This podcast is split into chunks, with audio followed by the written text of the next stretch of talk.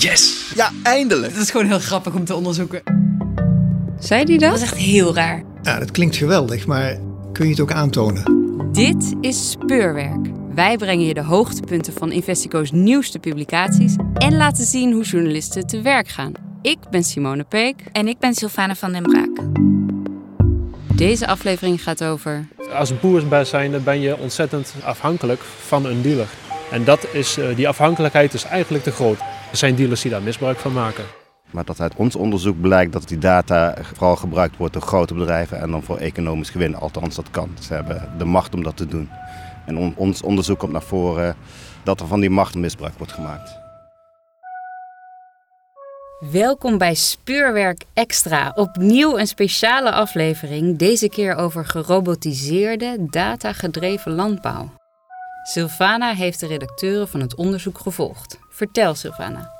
Parsifal Wijnen en Anouk Ruhaak hebben uh, voor Investigo onderzoek gedaan naar dit onderwerp in samenwerking met de Groene Amsterdammer en Dagblad Trouw.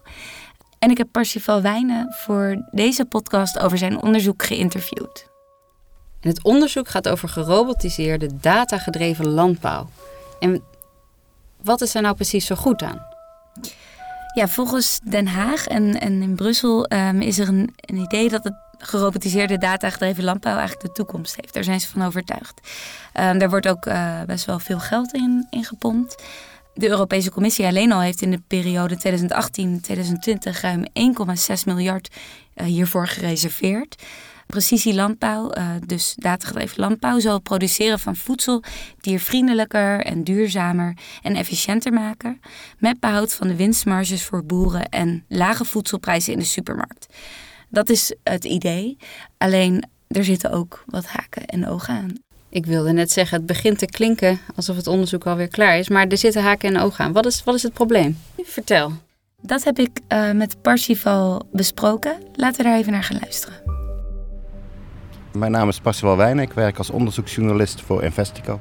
Parsifal dook samen met zijn collega Anouk Ruhaak in de datagedreven landbouw. Op zoek naar experts die iets over dit onderwerp kunnen vertellen, komt Parsifal via een advocaat terecht bij de melkveehouderij. Hij besluit de melkrobot onder de loep te nemen. In een natuurpark in zijn woonplaats Den Bosch vertelt Parsifal over hoe deze machine werkt. Melkrobot die zorgt er eigenlijk voor dat de boer een soort dataspecialist wordt. Die koeien die gaat in principe automatisch naar die melkrobot. En die robot die melkt die koe dan automatisch en stuurt ze dan vervolgens weer de wei in of de stal in. Ondertussen verzamelt hij allemaal data over die koe. En dat gaat dan over uh, wat er allemaal in die melk zit en hoeveel melk uh, eruit is komen. Of dat die koe wellicht ziek is. Er wordt ook bijgehouden of dat die robot zelf goed werkt. Nou, dat wordt allemaal verstuurd naar uh, de, de dealer, de, waar die boer de melkrobot heeft gekocht en naar die boer zelf. En die dealer krijgt die data omdat die dealer die robot moet onderhouden. Die moet service verlenen. En wat doet die dealer met die data? Nou, in principe uh, kan die dealer aan de hand van die data zien of dat die robot mankement heeft. Bijvoorbeeld een sensoren vervuild is geraakt of dat er, uh, de temperatuur te hoog wordt of wat dan ook. Het is eigenlijk hetzelfde als bij, moderne auto's. Die, die, kunnen gewoon uitlezen wat er markeert aan die motor en dat is ook het geval bij de melkrobot. Als je het goed gebruikt, en dan is het heel erg afhankelijk uh, wie de data heeft of wie er aan de knoppen zit, zou het goed kunnen zijn voor het milieu, omdat je veel efficiënter kunt produceren. Het, is goed voor het dierenwelzijn. In het geval van die koeien is, uh, wordt de uiergezondheid, als het allemaal goed werkt, is beter omdat ze vaker gemolken worden. En omdat je efficiënter kunt werken, is het in principe ook economischer. En daarvan zou de boer kunnen profiteren.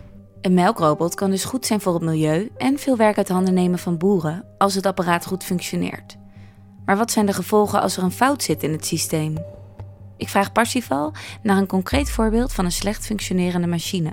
Ja, dat is uh, een beetje een anekdoteverhaal van een, uh, iets van een advocaat die ik gesproken heb, heeft meegemaakt. Uh, die, die koeien hebben ook zo'n halsband om en daarmee wordt die koe herkend. En dat heeft meer met het veevoersysteem te maken. Wat die, daar zat ook een fout in. Die robot die herkende de, de verkeerde koeien. Dus hij zag de halsband van, van Marietje en dat was dan Roosje. En dan kreeg Marietje het voer van Roosje. Uh, waar verkeerde stof in zat voor Marietje.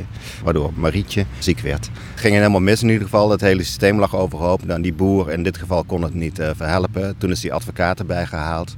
Die advocaat heeft heel veel druk uit moeten oefenen. Uh, want dit ging om een bedrijf uit Amerika. En uiteindelijk zijn monteurs uit Amerika moeten overvliegen uh, om het probleem op te lossen. Dat is uiteindelijk ook gebeurd. Maar goed, geeft wel een beetje aan van hoe machteloos zo'n boer staat. Want er is een groot probleem. Al die, die, die koeien krijgen verkeerd voer. Niemand weet waar het aan ligt. Dit was een Nederlands bedrijf. Dan moet er een advocaat bij gehaald worden. Dan ben je maanden verder. En vervolgens uh, moet er een monteur helemaal uit Amerika uh, gehaald worden. Die dan pas begrijpt wat er aan de hand is. En er gaan maanden overheen. En op die manier ja, kan zo'n bedrijf natuurlijk heel veel druk uitoefenen. Omdat die, ja, ze hebben alle data, ze hebben alle kennis. Uh, dus ze hebben gewoon ook heel veel macht. Dus als ze verkeerd willen, uh, ja, dan kan het ook echt verkeerd gaan. En bij boer Emiel Stam ging het echt verkeerd. Emiel Stam is 38 jaar en heeft een melkveebedrijf tegen de Duitse grens in het dorpje Spijk. Met op dit moment 120 koeien. Ik spreek hem in zijn stal, waar boer Stam zijn melkrobot laat zien en uitlegt waar het misging met het apparaat.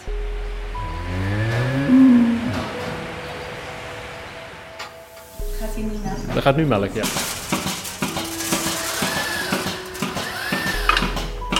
robotarm met melkrek. Nu draait hij onder de koe. En dan gaat hij dadelijk de bekers aansluiten. Nou, hier zitten sensoren onder. Als je hieronder kijkt, ja, kun je bij deze niet zo goed, moet hier kijken. Hier zitten twee hele kleine metalen pinnetjes in. En die, als, die meten de gelijkheid en dan weet hij dat hij melkstroom heeft. Maar dat is eigenlijk ook het, het punt waar het hier vooral op fout gegaan is. Ja goed, als je een koe uh, aan de speen een, een, keer een stukje gras en dat komt hierin, dat gaat hier tussen zitten, dan uh, ziet hij dat als dat die koe melk geeft. Dus dat betekent, zo gauw die koe gaat aansluiten, dat zit ertussen, dan is hij eigenlijk al meteen tevreden en zegt, nou ik heb melkstroom. Terwijl dat, het bleek dat dat niet het geval was. En dan zaten de uiers nog vol? Ja, uiers vol of werden niet goed leegmolken. Ja, dat is voor de uiergezondheid van koeien is dat echt funest. En wat gebeurt er dan? Dan krijgen ze een ontsteking. Dat is een hele goede voedingsbodem voor bacteriën. De koe heeft melk gegeven, dus het slotgat zeg maar, onderaan de speen staat eigenlijk open nog. En als er dan nog een rest melk in zit, dan kunnen bacteriën daarin gaan. En dan ligt er ook een hele mooie voedingsbodem voor die bacteriën om goed te groeien. En dan uh, kan dat resulteren in een ontsteking, maar dat is eigenlijk uh, ja, niet goed. Leegmelk is eigenlijk een van de slechtste dingen wat je bij een koe kunt doen. Oké, okay, zullen we even verder de stal in Ja, dat is goed.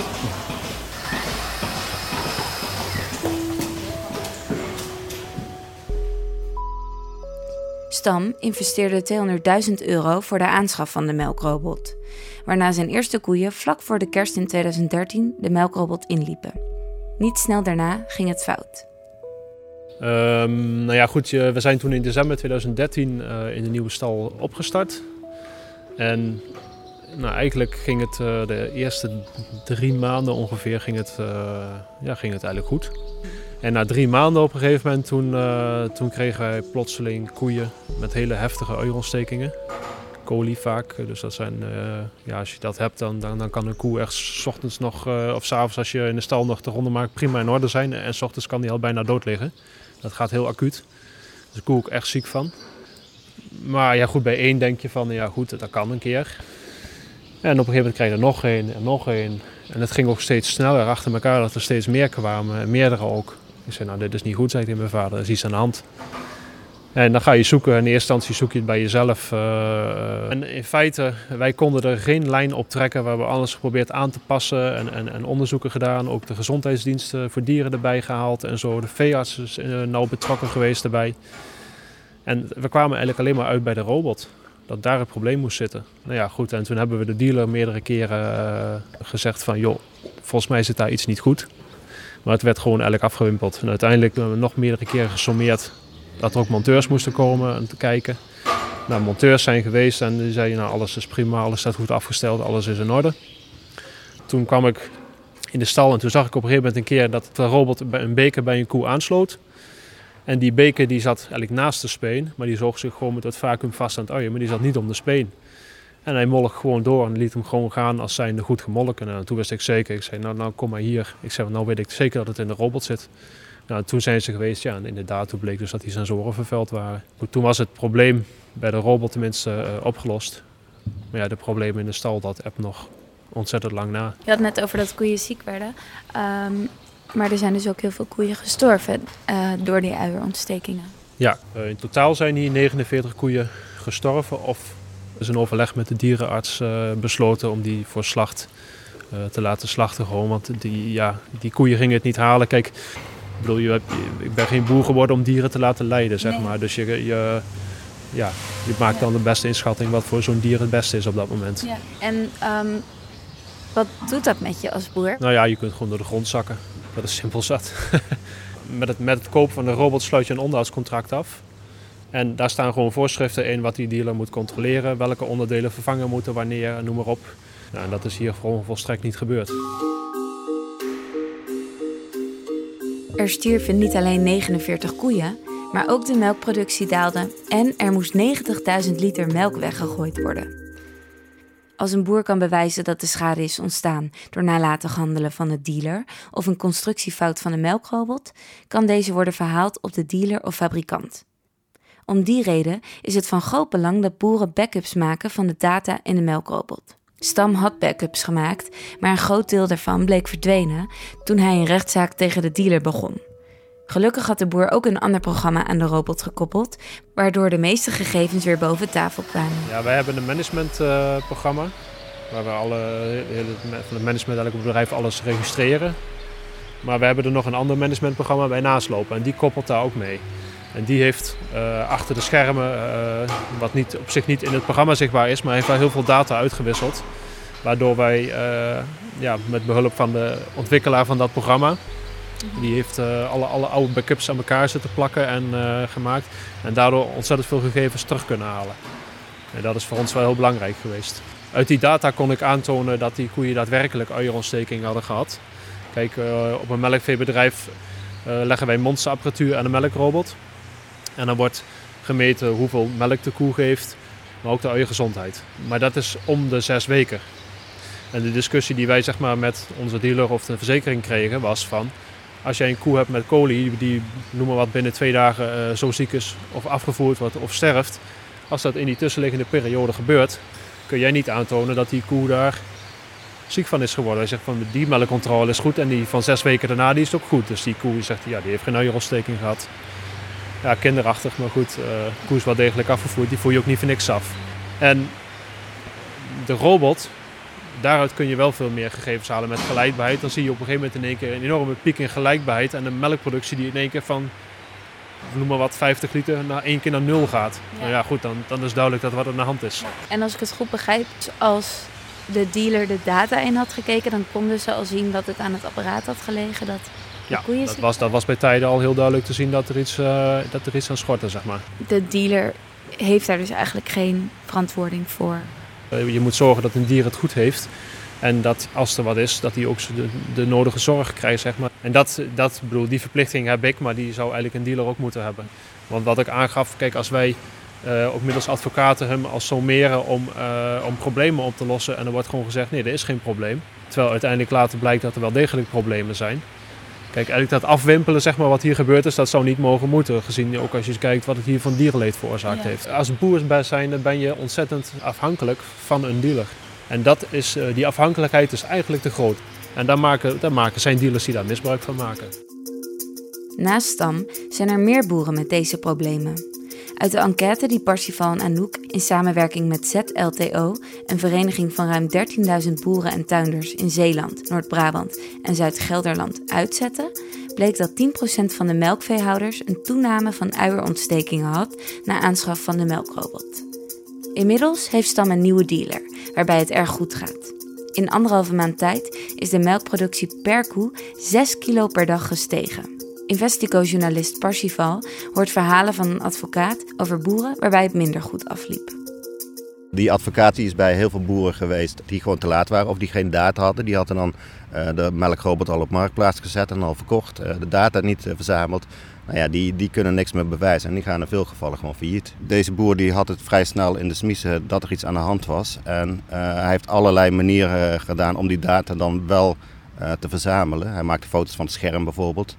Uh, op een gegeven moment was hij al zijn data kwijt. Uh, waarom dat precies was, is niet helemaal duidelijk. Maar uh, nou, hij kan de data weghalen en de service of de dealer kan dat doen. Maar hij had ook nog een ander programma ernaast lopen, toevallig, van een administratief programma waar die data ook in opgeslagen werd. En zo kon hij die data via een ICT-expert van dat andere bedrijf, heeft hij heel veel van die data terug kunnen halen. En je zegt net, de boer of de dealer kan die data wissen.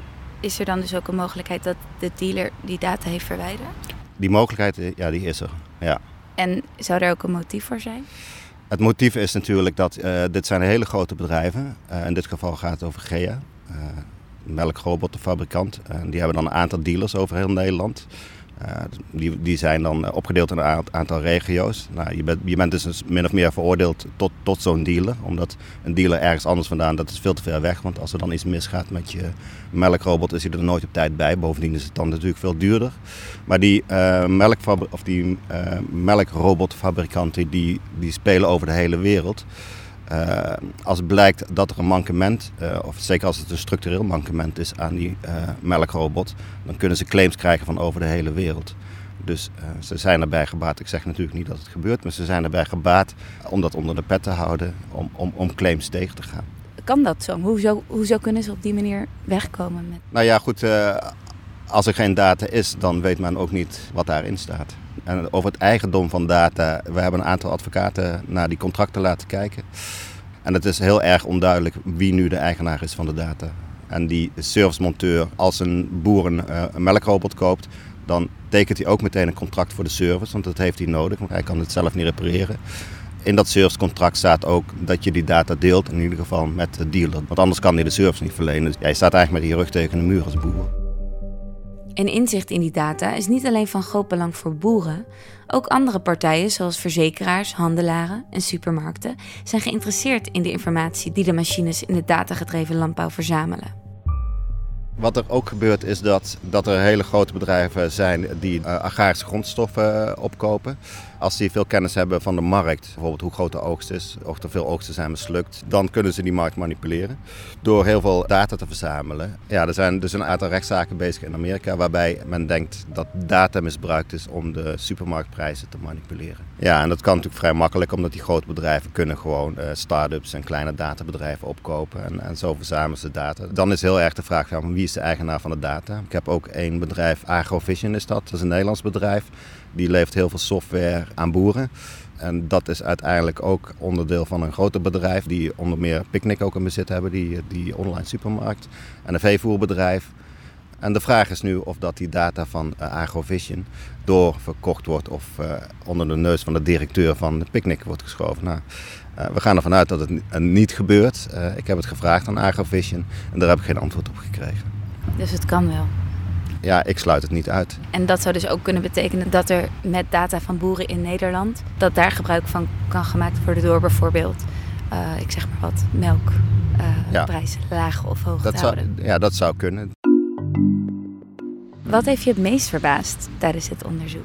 Ja, dat, dat die dealer daar zo lang zo makkelijk mee wegkwam. En dat hij niet meer kan worden gedwongen om die boer mee te helpen. Er gingen daar gewoon koeien dood. En ook al lag het niet aan die data of lag het niet aan die melkrobot. Als je eerst allemaal moet gaan bewijzen dat het aan het ene of het ander ligt. Ja, terwijl er is data. Waarom kan je die dealers niet meer dwingen en de fabrikanten om met die data op de proppen te komen en te vertalen naar normale mensentaal, zeg maar. Zodat je ieder geval dierenleed kunt voorkomen. Buiten, buiten dan de schuldvraag. Nou ja, en daar, daar draait het om. Maar ondertussen is er ook heel groot dierenleed. Dus ja. Dus het gaat eigenlijk in veel gevallen in deze situaties om geld en niet om. Ja, niet om de, de doelen die je dus eigenlijk met de data wil behalen. Ja. Uh, en dat is niet. Uh, uh, econo want er, er, gaat heel veel subsidie in. Hè? Dus wij als ma maatschappij stoppen daar ook heel veel geld in. En denk ook wel terecht, want het is best wel een belofte, denk ik, datagedreven landbouw. Maar het moet niet zo zijn, lijkt mij, eh, dat het dan voor een gewin is voor een aantal bedrijven. Dan moet je het ook gebruiken om milieudoelen na te streven, dierenwelzijn na te streven. En misschien ook wel om die, die kleinere boeren die het toch vaak wel moeilijk hebben, dat die daar dan juist van profiteren. Ik denk dat de oplossing is dat die dealer en die fabrikant ook een groter gedeelte van de zorgplicht voor het dierenwelzijn zouden hebben. Zodat wanneer het misgaat met zo'n dier, dat ze dan gedwongen kunnen worden om die data te delen en mee te denken en mee te kijken. Dit was Speurwerk Extra. Investico onderzocht uh, voor de Groene Amsterdammer en Dagblad Trouw de landbouwsector En ontdekte hoe datagedreven landbouw een machtsverschuiving in de sector teweeg brengt. Je kunt het hele verhaal lezen in De Groene of in Trouw, of natuurlijk op de website van Investico. Abonneer je op onze podcast in de podcast-app en laat een recensie achter. De volgende speurwerk is aanstaande maandag 24 juni. En die betreft weer een reportage van Sylvana. Sylvana, vertel. Ja, dat is weer een speciale editie van onze podcast. Waarin we eigenlijk gaan luisteren naar de reportage die ik heb gemaakt samen met Marjolein de Boer. Over de wetmaatschappelijke ondersteuning. In samenwerking met radioprogramma Argos. Goed, de wetmaatschappelijke ondersteuning. Uh, beluister het maandag in je podcast-app. Dit was Speurwerk Extra. Bedankt voor het luisteren. Tot de volgende keer.